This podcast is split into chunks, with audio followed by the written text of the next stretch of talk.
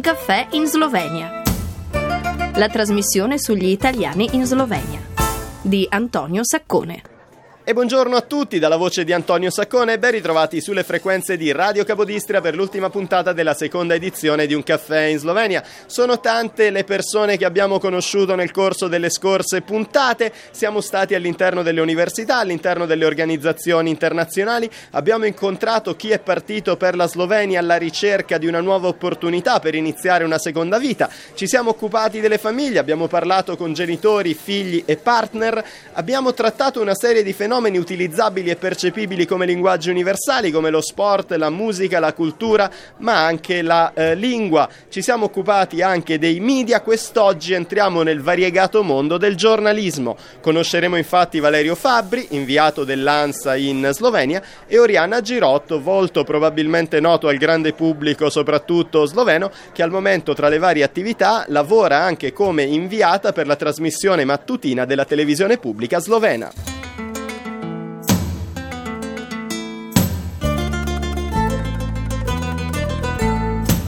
Nome. Valerio. Cognome. Fabbri. Età. 41. Provenienza. Roma. Professione. Artigiano della parola. Segni particolari. Curioso. Il caffè come lo prendi? In Italia espresso, in Slovenia alla turca.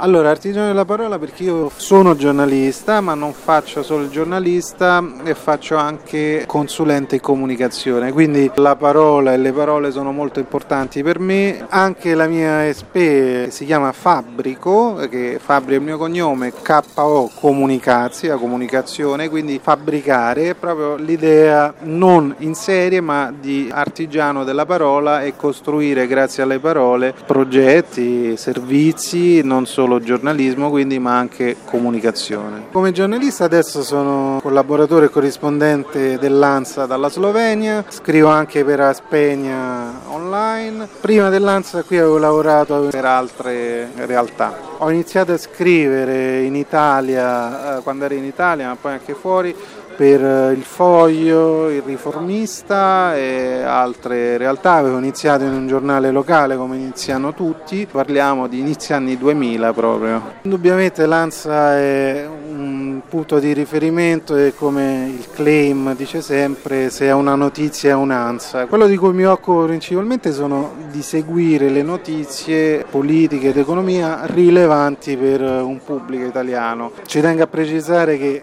ovviamente da un lato l'interesse mio personale, ma dall'altro anche chi poi tutti gli abbonati che eh, ricevono il servizio ANSA. Voglio fare sempre un esempio che eh, cito spesso, l'anno scorso intervistai Sharez eh, prima della visita in Vaticano, intervista interessante, anche molto bella dal mio punto di vista e in Italia ebbe risalto vicino allo zero, in Slovenia fu ripresa da tutti. Quindi questo un po' descrive l'interesse, se vogliamo, che c'è per la Slovenia, ANSA o non ANSA, per la Slovenia eh, che c'è in Italia. Io credo comunque che nell'ultimo anno, sicuramente nell'ultimo semestre, con la crisi, soprattutto il coronavirus, la cerimonia, le celebrazioni per il Naroni Dom, credo che ci sia un'attenzione o perlomeno una predisposizione diversa in Italia per eh, quel che riguarda le notizie che arrivano dalla Slovenia. Ciò non significa comunque che è un argomento da prima pagina, ecco. Sicuramente dal Friuli Venezia Giulia c'è più attenzione, ma anche se vogliamo dal Veneto, su quello che accade in Slovenia e nei Balcani. Però io dico sempre, una, prima c'era una cortina di ferro, si dice sempre, la definizione famosa, adesso cortina di cristallo, cioè anche se il confine non c'è a tutti gli effetti ormai dal 2004, ma c'è una distanza, se vogliamo, culturale in un certo modo, perché io anche questo lo cito spesso, Cavour parlava francese, De Gasperi tedesco, sono due dei padri fondatori dell'Italia, Italia repubblicana, Italia unita prima, Italia Repubblica, non ce n'è uno che abbia parlato, comunque una lingua diciamo slava, perciò questo io credo sia anche un po' proprio quasi nel DNA della, non comprensione, della distanza che c'è ancora sia sui media che forse di comprensione tra i due paesi, perché poi va in entrambe le direzioni, anche in Slovenia la percezione dell'Italia spesso finisce a livello regionale, in Friuli o in Veneto. Anche se pure lì a Trieste mi hanno detto che non è proprio Italia. Ho chiesto una volta un cappuccino a Trieste e mi hanno detto come lo fanno in Italia. Io ho detto signora ma è uno scherzo e lei mi ha spiegato che in Italia si fa in un modo e a Trieste in un altro. Dove abitavi prima di trasferirti in Slovenia? Io e mia moglie ci siamo trasferiti dal Kazakistan, siamo passati prima un breve periodo eh, a Mosca, siamo passati per la Russia, poi siamo venuti qui in Slovenia. Prima ancora abbiamo girato un po' per motivi di studio e lavoro anche, 15 anni che vivo all'estero e di questi appunto quasi 7 in Slovenia. In Slovenia sono arrivato nel 2013, eh, anche se il primo viaggio risale al 2005. Sono qui perché mia moglie è slovena. La scelta sinceramente era tra Roma e Lubiana. Volevamo fare una famiglia ed oggettivamente è più facile la vita a Lubiana per n ragioni rispetto a Roma se l'obiettivo è fare una famiglia. Se l'obiettivo magari è professionale forse il discorso è diverso, però eh, sono convinto di questa scelta e a posteriori la confermo anche. Faccio anche un esempio dell'assistenza chiamiamolo sociale, quindi lo stato sociale che è presente, cioè il congedo parentale, anche come SPE, proprio il supporto dello Stato eh, c'è se uno ha una famiglia. Noi viviamo lontani sia dai miei ovviamente, ma anche dai genitori di mia moglie, quindi anche l'asilo che funziona bene, ci sono molte situazioni. Credo, senza paura di smentire, che sia più facile la vita qui, al netto della barriera culturale più che linguistica all'inizio, perché la lingua si impara, io la parlo, e... però sai, non so, il calcio sarebbe un tema quasi scontato in Italia, qui non ne parlo con nessuno eh, se non con Nicola, mio figlio, e sulle chat del fantacalcio, quindi calcio e fantacalcio, però si superano queste cose. Dove immagini il tuo futuro? In Slovenia, in Italia, da qualche altra parte? Credo verosimilmente che non sarà in Slovenia, ma non per uh, antipatia o simpatia, perché se all'inizio la scelta di venire qui in Slovenia era dettata da ragioni personali e familiari, poi subentra anche un desiderio professionale, cioè di crescita e di opportunità. Qui le opportunità che io cerco non le ho trovate, non le trovo, anche qualcuno in grandissima sincerità e con molto affetto mi ha detto che non ci sono per me quelle opportunità e ripeto, lo ha detto con grande sincerità e affetto perché io ho un percorso e anche un profilo eh, internazionale, a casa parliamo tre lingue e quindi credo che non sarà qui. Spero, credo che sarà in Italia, se non in Italia magari altrove, però nel medio-lungo termine no, non mi vedo qui in Slovenia. Ti manca l'Italia? Hai nostalgia dell'Italia? Torni spesso? Sì, mi manca guarda, l'Italia nella misura in cui mi mancano, cioè quelle cose dell'Italia a cui siamo, immagino, tutti legati, dal, se vogliamo, il cibo, appunto come ho citato prima, il calcio, ma anche l'idea di andare al bar e commentare tutta una serie di cose.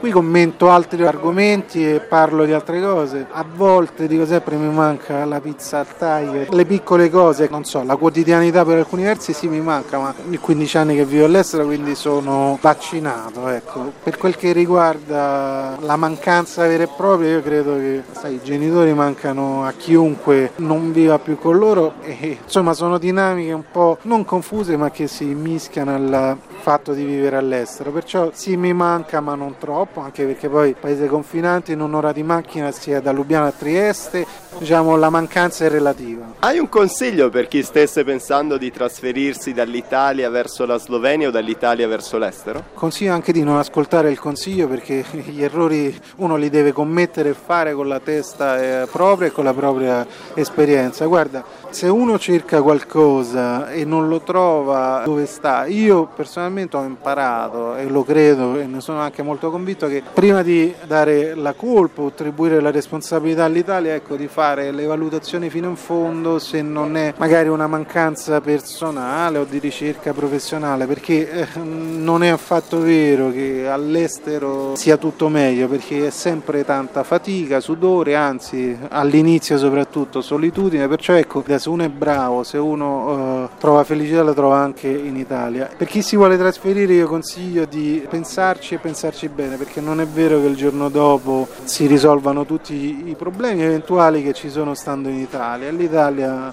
è un grande paese, eh? vivendo all'estero me ne rendo conto ogni giorno di più. Migliorabile, ma un grande paese. C'è una città nella quale in un certo senso hai lasciato il cuore, una città che ti appassiona, una città che ti accende l'entusiasmo? La risposta più immediata è ovviamente Mosca. Mosca perché è la città dove ho conosciuto mia moglie, Mosca è anche la città dove ho iniziato a scrivere per un quotidiano nazionale, poi proseguite per due o tre anni, non sempre da Mosca ovviamente, quindi è Mosca. Ci ho detto se uno mi chiedesse qual è la città più bella della Russia, io senza dubbio dico San Pietroburgo, però quella a cui sono più legato indubbiamente è Mosca, è dove siamo tornati e dove vorremmo anche, mi auguro che in futuro potremo tornare lì dal punto di vista professionale.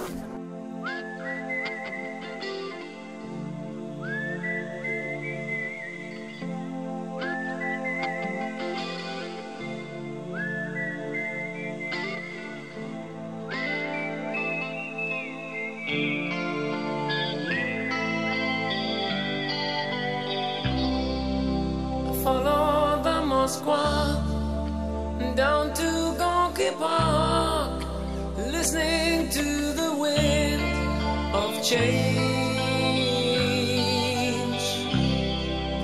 An August summer night, soldiers passing by, listening to the wind of change.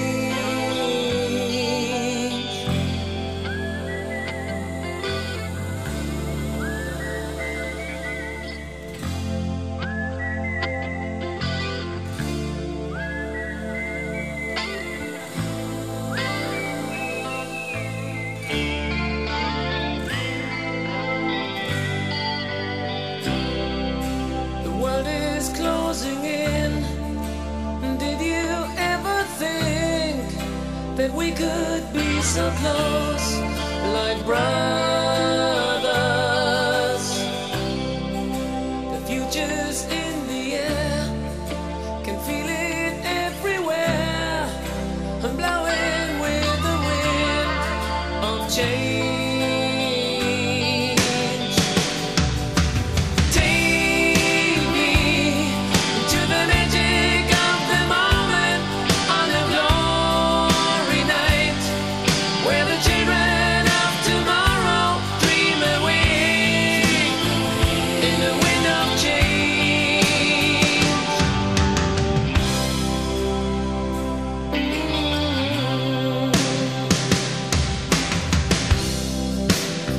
again.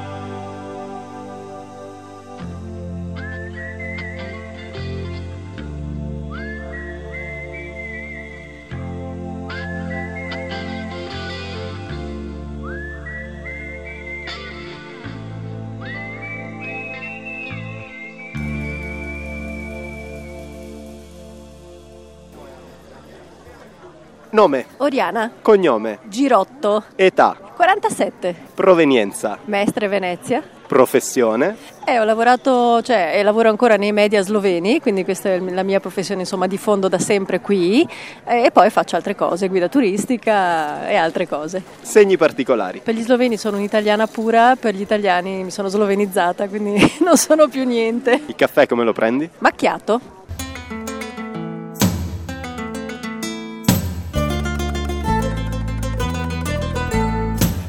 Miei genitori, mia madre slovena, mio padre italiano di Venezia, si sono incontrati naturalmente al mare in Croazia, a Pola, giovani, ventenni, no? lui con un gruppo di amici maschi, lei con le sue amiche e naturalmente amore a prima vista, il gruppo poi si è un po' mischiato e loro due veramente hanno fatto scintille e non si sono più mollati. Lei diceva bugie a casa, diceva di andare a dormire da un'amica a Lubiana, invece partiva, prendeva il treno, andava a Venezia e quindi niente, amore folle, anche perché non parlavano la stessa lingua, quindi capivano, si capivano solo no, quello stretto necessario per capire che si volevano veramente bene. Si sposano, lei desidera subito avere dei bambini, si trasferiscono, ai tempi era più facile, no? quindi anche se mia nonna era casalinga, mio nonno faceva il pompiere, è riuscito insomma subito a sistemare una casa, a Mestre e così via. Quindi lei si trasferisce, si iscrive all'università a Venezia, impara molto bene e molto presto l'italiano e nel momento in cui poi capiscono di parlare la stessa lingua e capiscono di non capirsi.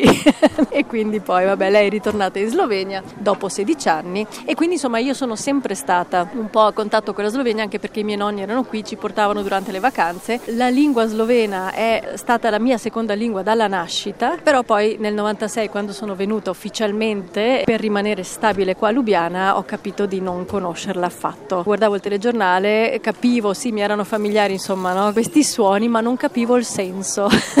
quindi mi sono dovuta fare corsi e soprattutto ho dovuto iniziare a vivere qui per capire i modi di dire e così via. Quindi il mio problema all'inizio era un'italiana che parlava il lubianese, perché l'accento perfetto sloveno, ma conoscendo solo il 10% delle parole slovene, quindi sembra un ignorante lubianese. E quindi insomma ho avuto dei problemi insomma, nel far capire che no, no, io in realtà arrivo dall'Italia, che mi legano insomma alle radici in Slovenia, però insomma non sono di qua, quindi non riuscivo a, ad esprimere i miei pensieri e così via. In Italia lavoravo per un circuito di televisioni locali, facevamo le trasmissioni sulle discoteche, io facevo le interviste in giro per l'Europa, insomma queste stelle della musica degli anni 90. La nostra trasmissione si è messa a collaborare, poi ai tempi esistevano le case naturalmente discografiche attive e hanno collaborato con una casa discografica che era molto forte anche qui in Slovenia, la BMG, insomma olandese, che poi aveva insomma, la sua base anche qua. La casa discografica slovena aveva bisogno di farsi promozione e ha preso l'idea insomma dai collaboratori italiani di fare una trasmissione, trasmissione musicale per promuovere i propri dischi, voleva dire naturalmente riuscire a venderli di più. Quindi fanno un cast qui in Slovenia e trovano Katarina Chas, che è famosissima qua e che ha fatto il film con Leonardo DiCaprio, con insomma Al Pacino,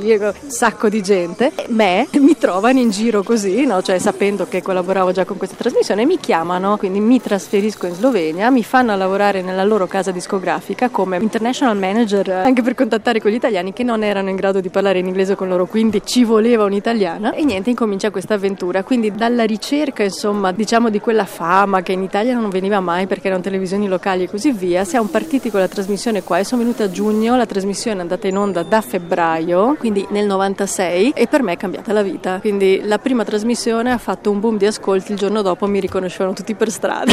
cioè, e quello che mi faceva male era che questa cosa io l'avrei sempre voluta in Italia. Mi è successa qua, è successo negli anni 90 e chi è diventato famoso negli anni 90 ha portato avanti poi la sua fama fino a oggi. Quindi ancora oggi ci sono delle mie copertine e così via, naturalmente non più con il boom sensazionalistico insomma degli anni 90 e degli anni 2000 e così via, però me la porto ancora dietro insomma, quindi no, che cosa ti dà la fama in Slovenia? Non ti dà i soldi che ti avrebbe dato l'Italia e qui era il mio gruccio. fossi diventata così famosa in Italia sarei piena di soldi. Qua no, vita tranquilla, però insomma c'è questa no, aria così di positività in giro. Quindi se chiedi le cose a me sulla Slovenia, per me è tutto un rosa e fiori, capito? Cioè vado al mercato, mi danno un'insalata gratis. così, cioè me la vivo molto bene, insomma. E dopo questa trasmissione ho fatto altre trasmissioni, quindi da quella musicale ho fatto altre trasmissioni, un po' per la nazionale, un po' per le altre trasmissioni e tutta la mia vita è sempre stata accompagnata dai media. Quindi quando mi sono sposata, grande scalpore perché mi sono sposata con un attore molto famoso qui in Slovenia, tra l'altro mezzo italiano Cavazza, molto più grande di me, quindi abbiamo fatto il boom anche lì. Poi niente, il nostro bambino, quindi tutta la fase insomma della eh, gestazione e così via è stata accompagnata da una trasmissione per eh, mamme e così via. Insomma, gli anni passano e adesso niente, faccio servizi per la trasmissione invece quella che è del mattino. Che cosa ti piace di Lubiana? Che cosa ti piace della Slovenia? Quali pensi che siano gli aspetti positivi di questo paese? L'aspetto positivo di questo paese, anche se per loro non lo è, è la piccolezza. È piccola e siamo nel cuore dell'Europa, quindi è gestibile, soprattutto è molto molto verde. Densità della popolazione molto bassa. A Lubiana fai vita di paese, cioè conosci tutti, incontri gente e così via, no? Cioè il luogo è molto piccolo, Lubiana è grande il centro come Trastevere, quindi sei sempre lì, è tutto bello, è tutto pulito, però sei in una capitale europea, quindi arrivano questi grandi nomi, insomma, musicali della cultura, quindi è una città veramente molto comoda. Quindi appena usciti dal centro storico hai subito o il bosco del castello o il lungo fiume ed è molto pulita e sicura. La sicurezza lubiana e in tutta la Slovenia in particolare, soprattutto per una ragazza che la sera abbia voglia di andare da un locale all'altro e così via, anche magari con un pantaloncino corto lo può fare perché è veramente sicuro, insomma non ci sono persone che ti importunano oppure insomma... C'è qualcosa invece che non ti piace della Slovenia e di Lubiana? È un po' difficile riuscire a entrare in relazione con loro, è difficile, lo è stato per me tantissimo negli anni 90 perché non avevo un passato con loro, quindi se tu non hai un passato con loro, se non hai fatto le scuole con loro e così via, sono molto amichevoli, ti prendono naturalmente per quello che sei in quell'ambiente nel quale ti hanno conosciuto. Quindi se tu lavori con loro, il problema è che tu rimani nel loro mondo lavorativo. Quindi grande amicizia, ah, andiamo a prendere il caffè insieme durante l'ora di lavoro, ma appena finisce, tac, basta, fine, ci vediamo lunedì.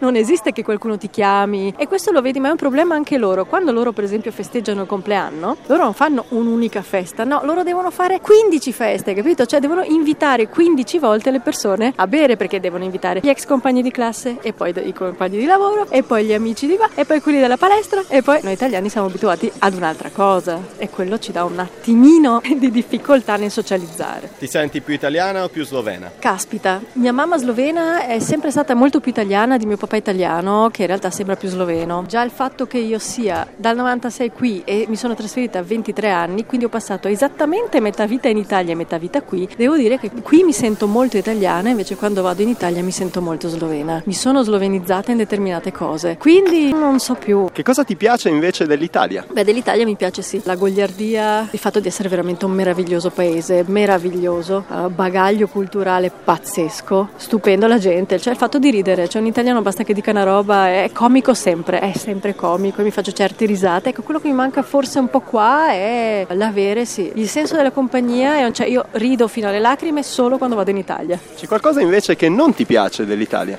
Forse il bisogno di polemizzare su tutto, forse il fatto, non so, di sentire i vicini di casa, io parlo mia, della mia esperienza personale così, no, nei palazzoni nei quali vivevo, già la mattina, eh, gente che grida, capito? Cioè, il bisogno di dare tutto fuori, capito? Voglio dire, sono delle piccolezze che però adesso noto molto di più. Pensi che la Slovenia sia percepita dall'Italia come lontana oppure sia per certi versi sottovalutata in Italia? È sottovalutata ed è percepita come lontanissima, della Slovenia non si parla mai, no? Quando guardi per esempio il telegiornale, eh, per parlare dei paesi in cui tutto va bene si parla sempre della Scandinavia, ma tanto quelli sono di un altro mondo, sono lontani e così via, no? Vabbè, poi ogni tanto senti parlare della Francia, senti parlare dell'America, del Medio Oriente e basta. Cioè questo conoscono gli italiani dell'estero, a meno che non siano loro a viaggiare. E quindi spesso facendo la guida turistica a persone che non sono abituate a viaggiare ma partono insomma con i pullman, anche persone anziane, quindi me le ritrovo qui, così 50 alla volta, pensano di venire non so dove, ah sì la, la Jugoslavia, ma avete l'euro? Sì. E poi rimangono sempre stupidissimi. Hanno un'idea un po' particolare di quello che era il comunismo. Hai un suggerimento per chi dall'Italia stesse pensando di trasferirsi in Slovenia oppure di trasferirsi verso l'estero? Di mantenere la propria personalità e di coltivare le proprie idee imprenditoriali, perché qui in Slovenia ce la puoi fare. Basta avere una buona idea ed avere un attimo di iniziativa e di essere anche un po' pronti magari a, a fare dei piccoli investimenti, no? come faceva il nostro amico quando offriva le grappe per strada ai passanti per poi farli entrare. Questa è una cosa che gli sloveni non fanno, lo fanno gli italiani, infatti ha avuto successo, no? quindi bisogna prenderli in questo senso.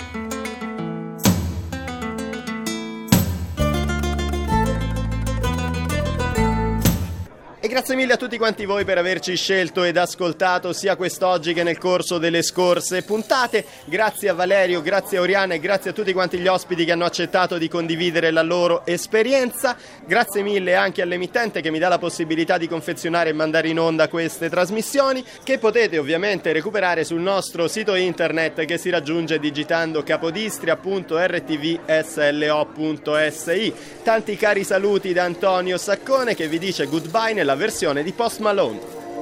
Me and Kurt feel the same. Too much pleasure is pain. My girl spites me in vain. All I do is complain. She needs something to change. Need to take off the ass. So get all tonight. And don't tell me to shut up. When you know you talk too much. But you don't got to say. I want you out of my head. I want you out of my bedroom tonight. There's no way I can save you. Cause I need to be saved too. I'm no good at goodbyes. We're both acting insane, but you're stubborn to change. Now I'm drinking again. 80 proof in my veins, and my fingertips stained. Looking over the ash. Don't quit me tonight. Say you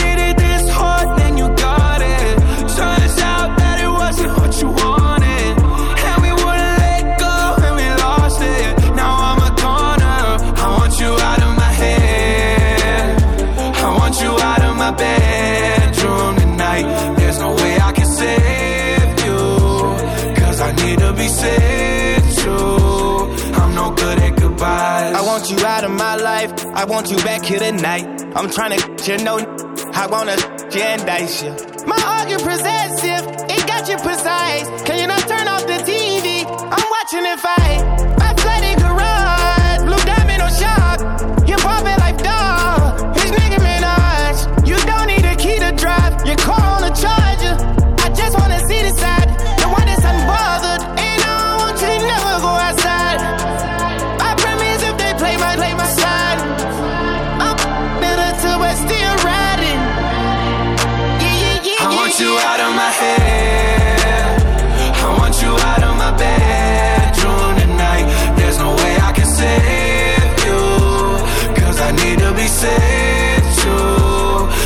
Good at goodbyes. Goodbye, goodbye, goodbye.